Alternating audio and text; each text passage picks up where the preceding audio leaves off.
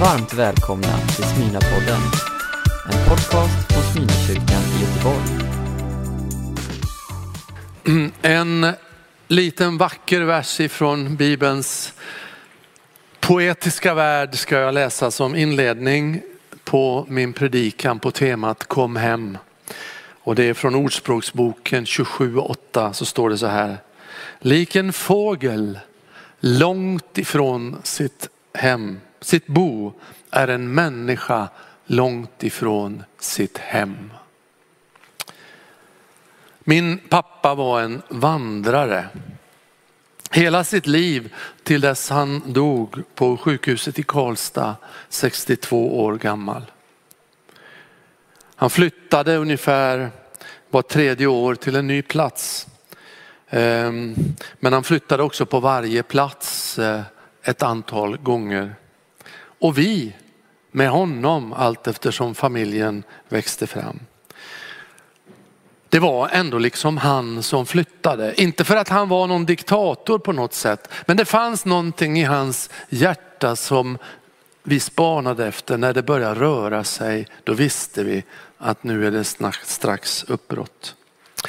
Varje sommar så skulle vi som familj, vart vi än bodde, plocka bär för vinterbehovet.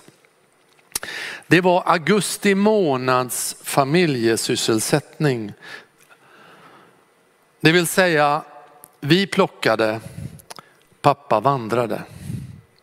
Han gick långt före oss och plötsligt så hörde vi hans röst någonstans i fjärran. Kom! Och vi gick i den riktning vi hörde ropet. Till slut såg vi honom stå där i ett bryn och vinka på oss, liksom hitåt, hitåt. När vi kom fram var det massor av bär, men ingen pappa. Han hade gått vidare. Kanske skrapat ihop någon liter bär och sen hade han gått. Och snart hörde vi ropet igen. Kom! Jag kan än höra ekot. Inte sällan gick han tyvärr vilse. Och då var det dags för mamma att ropa hem honom. Och hon fick en röststyrka, jag vet inte var den från kom, den liknade dalkullornas kulande. Ho, ho! Kom hem Sven-Ingvar! Jag kan höra den där än idag. Det bodde en längtan i min pappa. Och jag tror den är släkt med något som finns i hela tillvaron. Hemlängtan. Det verkar som den ligger nedlagd i hela skapelsen. Fiskar lämnar havet och vänder åter upp för älvarna mot den plats uppe bland bergen där de en gång kläcktes. Ålen föds i Sargassohavet i mexikanska gulfen och vänder efter ett långt liv, så långt som ett människoliv kan det vara, tillbaka efter tre förvandlingar till samma hav, Sargassohavet, varifrån de kom, för att fortplanta sig och sedan dö. En resa som kan vara upp till 700 mil lång. Under sensommar och höst, alltså den tid vi ungefär nu, eh, så lämnar, hör och häpna, 450 miljoner fåglar Sverige för södra Europa eller central, långt ner i centralafrika. Och de återvänder till våren. Många ganska exakt till den plats varifrån de kom, ofta också den plats där de en gång kläcktes. Man vet att djuren använder sig av flera metoder för att hitta vägen, som att känna av jordens magnetfält, navigera efter stjärnor, sol och måne, eller ett visuellt minne som är helt otroligt, liksom en alldeles otroligt luktsinne. Vi äger ju nästan inget av det där. Men vi längtar också tillbaka till vårt ursprung. Det finns massor av vackra sentimentala sånger om, om eh, hem, barndomshemmet, platsen där man växte upp. Ni som är unga kan inte dem ännu, men vi som är lite äldre, vi kan dem. Men jag känner igen dem faktiskt i, i, i, i nutida eh, sånger också. Um,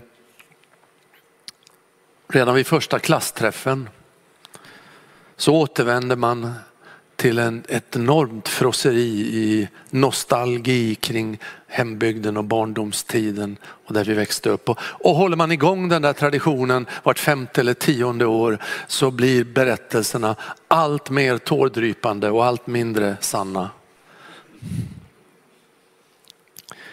Vi längtar hem. Vi är kanske inte alltid i våra liv medvetna om den, varken människor eller djur. Den väcks till liv i vissa tider eller av vissa omständigheter. Eh, eller av vissa tilltal.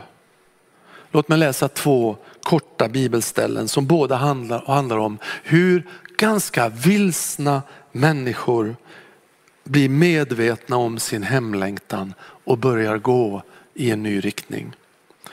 Den första kommer från en berömd berättelse i Nya Testamentet, en av de mest kända. Lukas 15, det är Jesus som berättar en berättelse om hur en son ber att få ut hela sitt arv. Och han lämnar sitt hem och han tror att han går liksom emot underbara tider men han är på väg mot, nästan mot sin undergång. Han slösar bort allt han äger. Och så är det precis som en inre röst börjar tala till honom. Fast det uttrycks på det här sättet. Då kom han till besinning. Eller som det kan översättas, han kom till sig själv och tänkte. Hur många daglönare hos min far har inte mat i överflöd och här svälter jag ihjäl när jag ger mig hem till min far. Och säger till honom, far jag har syndat mot himlen och mot dig. Jag är inte längre värd att kallas din son. Låt mig få gå som en av dina daglönare. Och han gav sig av hem till sin far. Den andra texten är från gamla testamentet om en annan son i ett annat syskonpar för övrigt.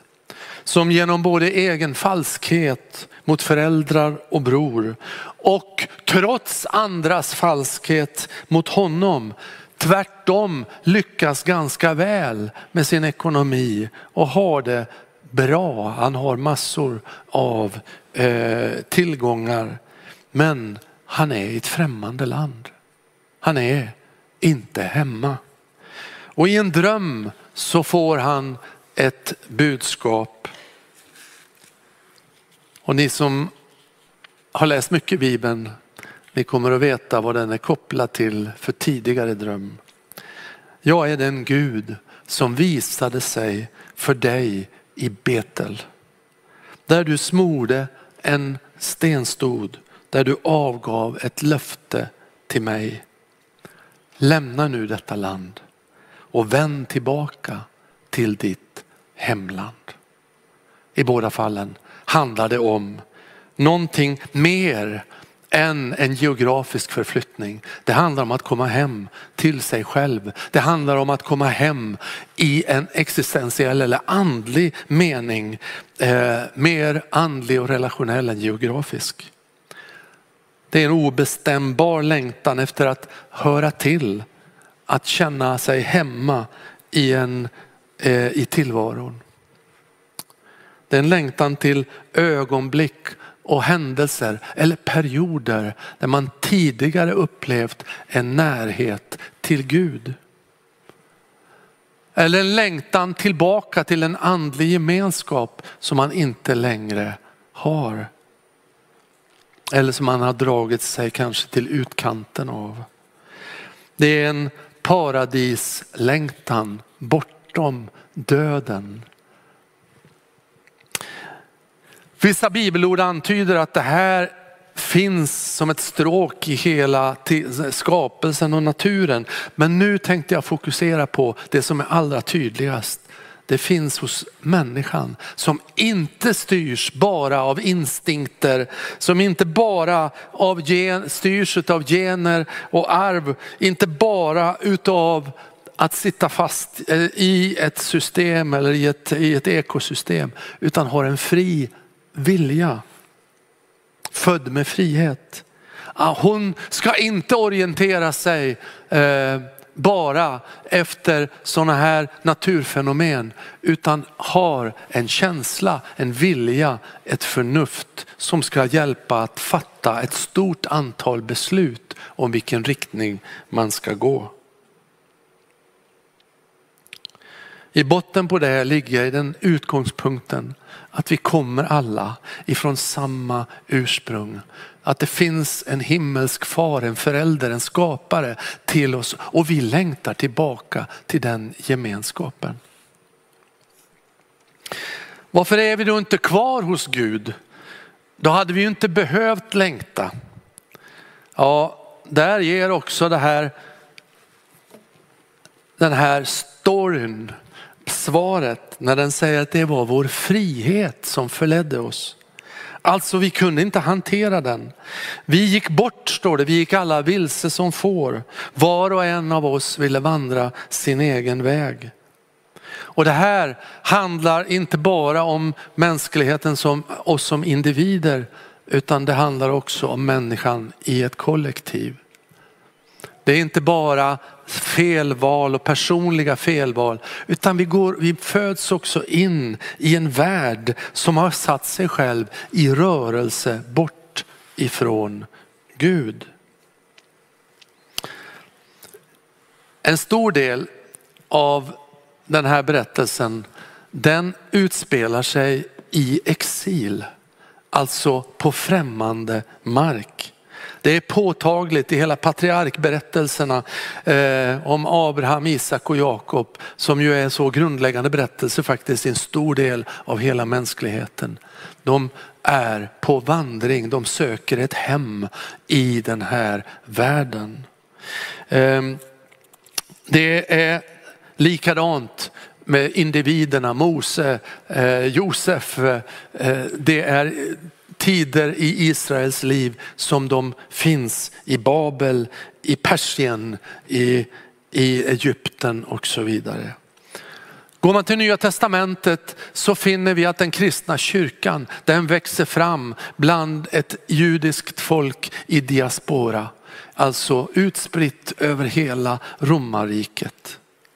Och när kyrkan sen får sin identitet så blir den förföljd, så blir den förskingrad gång på gång och får lämna sina hem och vara kyrka i exil. Bibelns allra sista bok, Uppenbarelseboken, den är skriven av en person landsförvisad till en ö, en fängelseö. Där får vi det sista budskapet ifrån Gud i den här boken. Jag vet att det kan låta orättvist och oklokt av Gud att ge människan en gåva som hon inte klarar av att hantera. Vore det inte mycket bättre att vi vore som allt annat i naturen, bara styrda utav instinkter och lagbundet ekosystem som liksom balanserar sig själv och sätter oss i en alldeles speciell position. Varför är vi inte fjärrstyrda så att vi i alla lägen hittar hem eller stannar hemma? Ja, jag behöver bara tänka på de där robotarna som klipper gräs hemma i villaområdet där vi bor. Som alla hittar hem till sin laddningsstation. Men jag vill inte vara en av dem. Jag är glad att få vara människa med en frihet. Likaså i studiet av ålen och laxen och svalan blir jag tacksam för min frihet.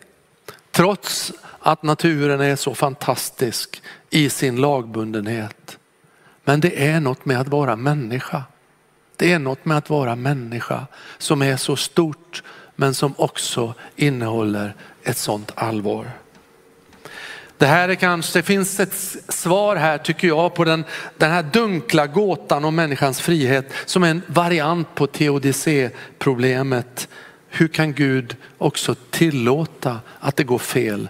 Tillåta det onda. Och den bästa förklaringen som jag tycker, absolut inte heltäckande, men ändå det är att Gud valde att ge människan frihet för att kärleksförhållandet mellan oss och Gud skulle bli av det djupaste och sannaste, nämligen växa fram ur ett val.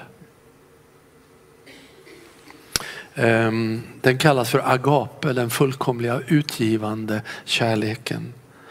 Och den är störst av allt. Vår längtan hem är en kärlekslängtan men också en frids shalom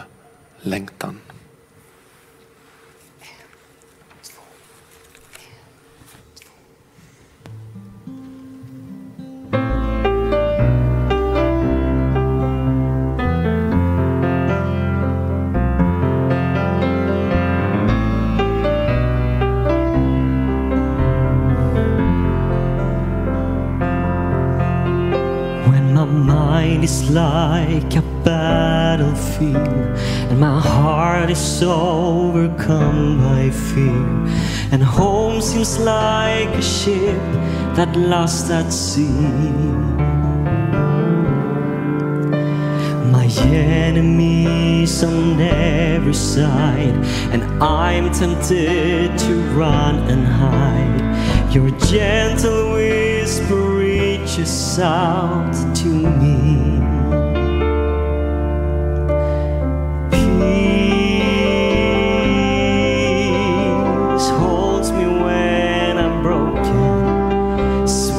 needs peace.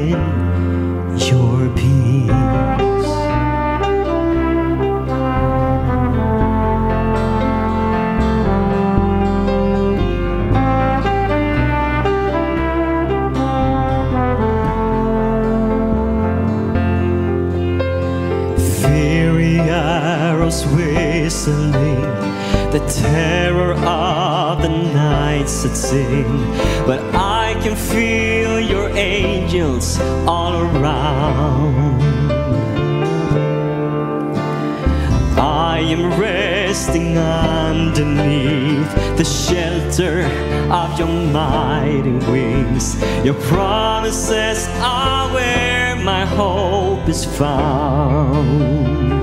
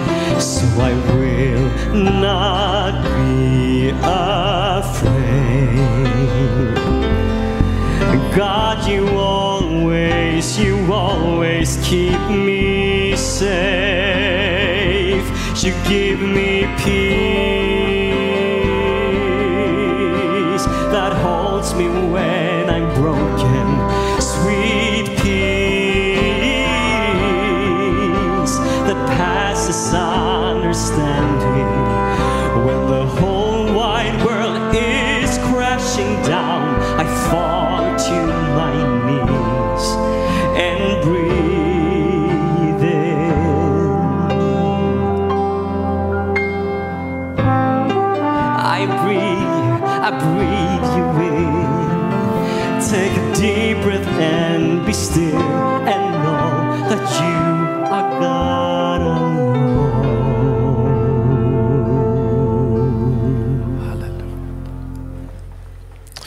Det finns eh, en ytterligare faktor som jag tycker skingrar en hel del av de här dimmorna kring vår hemlängtan. Vi är inte bara utlämnade åt oss själva att hitta hem. I hela tillvaron finns ett rop, en kallelse. Det är ett samfällt rop från den Gud som vi har lärt känna som en far, som en son och som helig ande. Och i det är vi också som kyrka, som församling kallade att stämma in. Det är Gud som ropar genom historien och, genom, och i skapelsen, kom hem. Det är Jesus som ropar i evangeliet, kom hem. Det är anden som ropar i oss, dags att komma hem.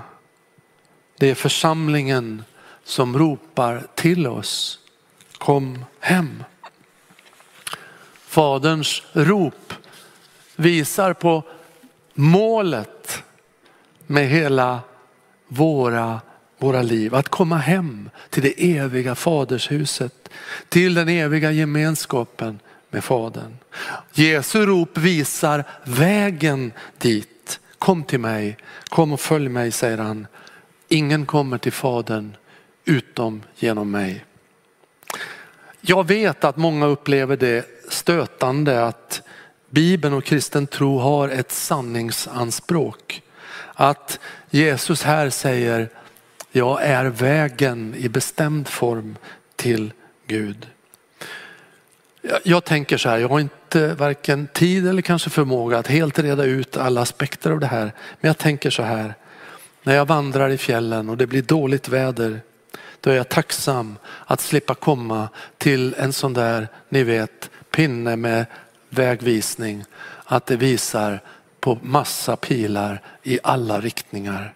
Då vill jag se en pil som visar mig en väg som leder rätt. Och jag kan bara säga från mitt hjärta och min erfarenhet och rekommendera Jesusvägen. Jesusvägen, den leder till Fadern. Andens rop visar på motivation och kraft till att, att komma igång, gå. Den liksom drar i oss, pushar oss, ger oss, ger oss kraft och påminner oss om den vår rätta identitet. Anden vittnar, står det, med vår ande vad vi tillhör, att vi är Guds barn. Så kom igen liksom, nu går vi i den riktningen. Församlingens rop visar oss på behovet av reskamrater, av vandringssällskap, att inte gå själv i en riktning, i, i, hem, i hemmets riktning. Nu är vi här i en tid när vi undrar vad i all världen har vi och den här världen hamnat? Finns det någon återvändo för den här skapelsen, för mänskligheten? Ja, det finns det. Det finns någon att återvända till. En fader i universum, en Gud som är vårt gemensamma ursprung, som ropar till oss. Kom hem. Och nu är du och jag här, här i kyrkan eller framför skärmarna och tänker att jag har ju också gått vilse i världen. Kanske du som tydligt nu känner en tomhet. Att ett antal felval ledde dig in i en cirkelgång som du inte kommit ur. Jesus är här och ropar, jag vill visa dig vägen till Fadern. Kom hem, kom hem. Nu är du här som kanske, ja vi är alla här som saknat en gudstjänstgemenskap. Men det kanske har suttit på ett annat plan där tron kanske har funnits där. Men mest i form av ett heligt minne. Du har liksom glidit en liten bit ifrån Guds andes röst viskar i ditt inre. Kom hem, kom hem. Kanske fick du problem med trångboddheten i församlingsmiljön och övergav den som du tyckte på goda grunder. Men du inser nu att du behövde den ändå i all dess brist för din livsvandring. För att du skulle orka ända fram. En stor upptäckt i dessa tider tycker jag är kraften i församlingens gemenskap. Och den beskrivs också i Bibeln som att komma hem till församlingen. Kanske var det just Smyrna som blev för trångt för dig eller någon annan eh, gemenskap som du har tillhört. Jag vill bara nu av hela mitt hjärta och tillsammans med församlingsfamiljen. För jag tror att vi alla vill delta i det ropet på ett nytt sätt i en tid av så stor vilsenhet. Kom hem, kom hem till gemenskapen.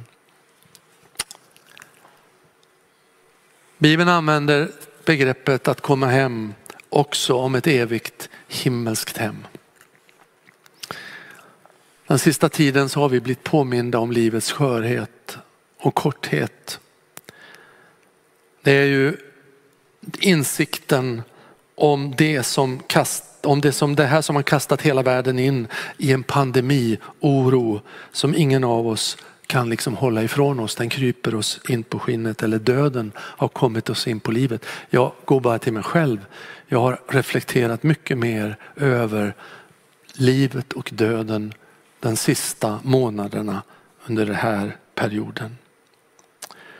Och det väcker ju frågor om finns det någonting bortom döden? Och finns det hopp när hopp om livet här har slocknat? Det är omdiskuterat, jag vet. Ändå är det som att just det är det starkaste märket i människan. Detta om längtan till något. Det är bara att gå till en katastrofplats och se blommorna och hälsningarna från en massa så kallade sekulariserade vanliga svenskar. Det står så mycket om himlen. Det står så mycket om där du finns. Hoppas vi möts igen och så vidare. Det finns så djupt inlagt ner i oss. Gud har lagt evigheten i människornas hjärtan, säger predikaren. Det liknar ju lite fiskarna och fåglarna som innerst inne vet att de hör hemma någon annanstans och när tiden är inne så ger de sig iväg. Abraham visste det. Mose visste det, de bibliska gestalterna, en av deras ärende till oss, det är att de visste att det fanns någonting bortom och de sökte det, de gick mot det, de trodde på det, de hoppades på det. Profeterna visste det, Josef, Mose visste det. Jesus visste det.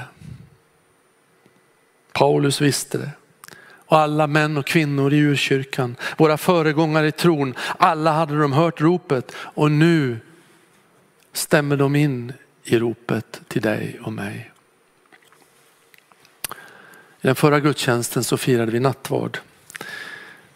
Och vi gör det varje onsdag klockan 12.